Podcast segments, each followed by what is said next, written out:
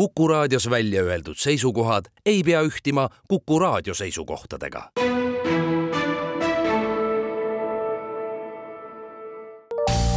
terviseks.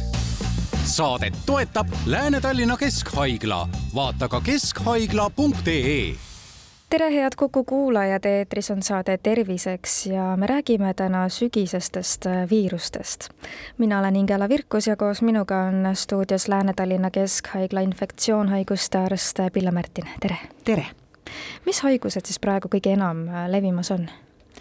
Äh, sügis on saabunud ja inimesed on äh, kogunenud, lapsed koolis, lasteaias, töökohtadel, puhkused läbi, et äh, enam praegu levivad hingamisteede viirusnakkused. nohu, köha on nende väljenduseks aga tegijate hulgas hetkel äh, on trooni haaramas äh, nohuviirused ehk rinoviirused. ei ole veel näha grippi ja ka meie vana hea tuntud Covid, äh, ka teda on hakanud rohkem liikuma, aga ta ei ole kuidagi oma käitumist muutnud kuidagi vastikumaks või, või raskemaks tegevaks, haig-, haigemaks tegevamaks on see pilt teie jaoks ähm, seal kusagil septembri lõpul, oktoobri algul iga aasta ikkagi ühesugune või? viimased kolm aastat on ta olnud täiesti erisugune, aga kui nüüd äh, mõelda käesoleva aasta septembrit ja näiteks kahe tuhande üheksateistkümnenda aasta septembrit, siis need on päris sarnaseks muutunud. ehk siis äh, hingamisteede viiruste hooaeg algab tavaliselt äh, siinkandis septembri lõpus, oktoobris ja kestab umbes märtsi-aprillini, et selle poolest on praegune hooaeg täitsa võrreldav, välja arvatud see, et meil on üks tegija juures, see menüü on rikastunud ja selleks on uus koroonaviirus. Mis see tähendab, uus koroonaviirus? see tähendab seesama meie, meie vana tuntud SARS-CoV-2 või Covid-19 tekitaja, tegelikult koroonaviirused on ju ammust aega olemas olnud, et olid nad enne ka äh, tekitajate hulgas, aga, aga nendel on nüüd uus liige juurde tulnud, et ka nemad on siis nüüd üks suur sõbralik pere ehk et äh, tal on uus tüvi nüüd jälle? jaa, uus tüvi, seesama uus tüvi, mis, mis meiega liitus kahekümnenda aasta alguses aga midagi uuemat ei, ei ole sellest ei ole. Mm -hmm. selles mõttes ei ole uuemat, et äh, koroonaviiruse viimane tüvi omikron, mis Eestisse jõudis kuskil kahekümne esimese aasta lõpus, kahekümne teise aasta alguses, et tema alatüved on liikvel viirus on äh, võtnud endale strateegia, et ähm, ta nakatab võimalikult paljusid inimesi, aga ei tee neid väga palju haigemaks, ehk siis äh, niisuguse levikuga ta praegu hetkel on kuidas ta inimestele praegu täna mõjub, et kas me oleme kuidagi natukene juba nagu harjunud sellega, meie organism on sellega harjunud, et ta ei ole meil enam nii tõsine või siiski? kahtlemata, äh, kahtlemata oleme me sellega nüüd juba kõik enam-vähem äh, kas vaktsineerimise näol omandatud immuunsuse näol või põdemise läbi saadud immuunsuse näol kokku puutunud ja see muudab viiruse käitumist, ehk siis kui ta kohtub juba äh, varasemalt immuunse inimesega, siis jah, ta teeb inimese küll nohuseks ja köhaseks, eks, ja võib-olla võtab maitse ja lõhnataju ära ja annab ka palavikku, aga ta ei vii enam sel määral inimesi haigevoodisse hapnikravi saama, nagu ehk varasemad tüved olid. aga nii koroonast kui gripist rääkides, et kas vaktsiini tasuks ikkagi teha või? jaa, kindlasti. et eh, kuivõrd eh, värske Nobeli preemia just läkski mRNA tehnoloogia väljamõtlejatele, siis eh, tegelikult vaktsiini tegemine on täiesti mõistlik ja mõttekas, eriti riskirühmades, nii gripi kui, kui Covidi suhtes. et siiski äh, elu näitab ja ka statistika näitab seda, et äh, haprama äh, tervisega inimesed enamasti kipuvad nad meil väärikamas eagrupis olema Äh, nende kaasuvad haigused lähevad kontrolli alt välja ja seeläbi võib ka mm, viirusnakkus, viirus, hingamisteede viirusnakkus nendel raskemalt kulgeda äh, ja teha seda elukvaliteeti ka väga palju kehvemaks kui te enne ütlesite, et hetkel veel grippi ei paista, siis mis hetkel ta nii-öelda nagu levima enamasti hakkab ja enamasti, tuleks? just, enamasti hakkabki ta levima kusagil oktoobri äh, lõpus, novembri äh, teises pooles äh, varasemaid hooaegu arvesse võttes.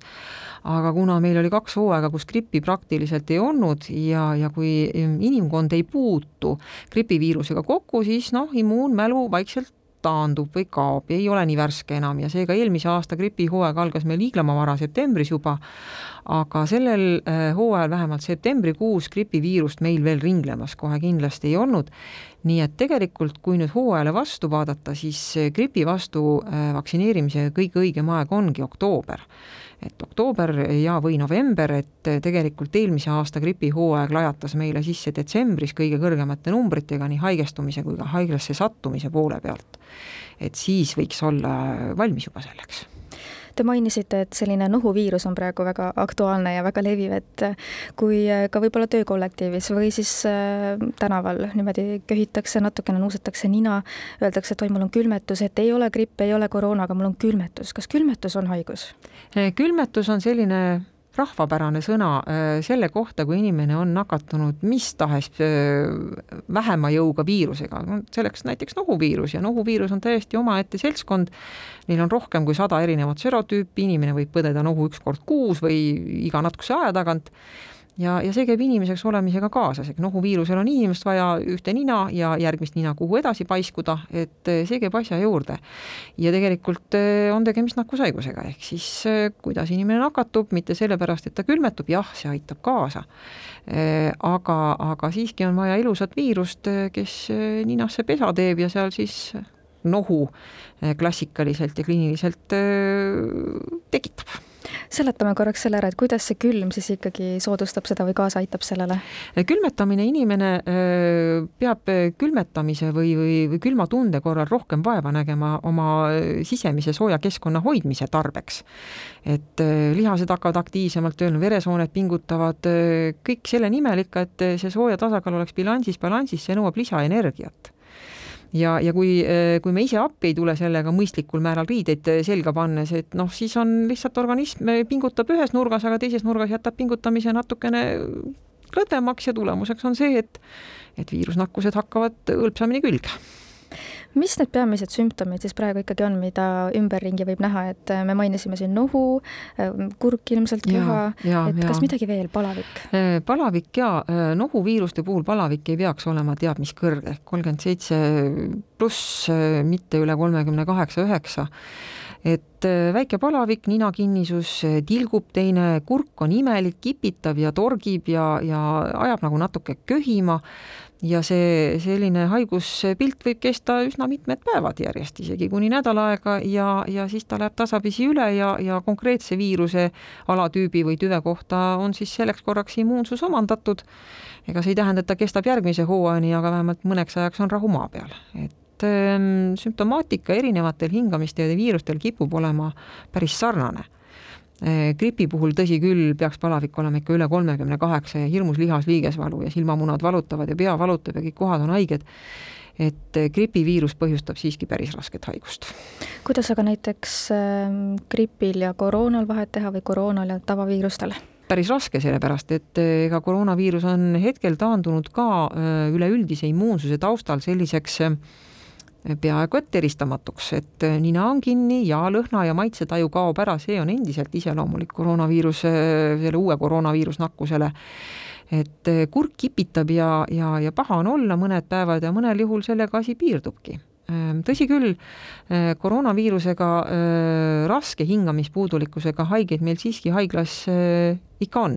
mõni, mõni nädalas ikka tuleb selline, kellel on tegemist viirusliku kopsupõletikuga ja kes vajab haiglaravi, aga enamasti need on eakad inimesed hulgaliste kaasuvate haigustega. me jätkame oma vestlust juba homme kell neliteist nelikümmend viis.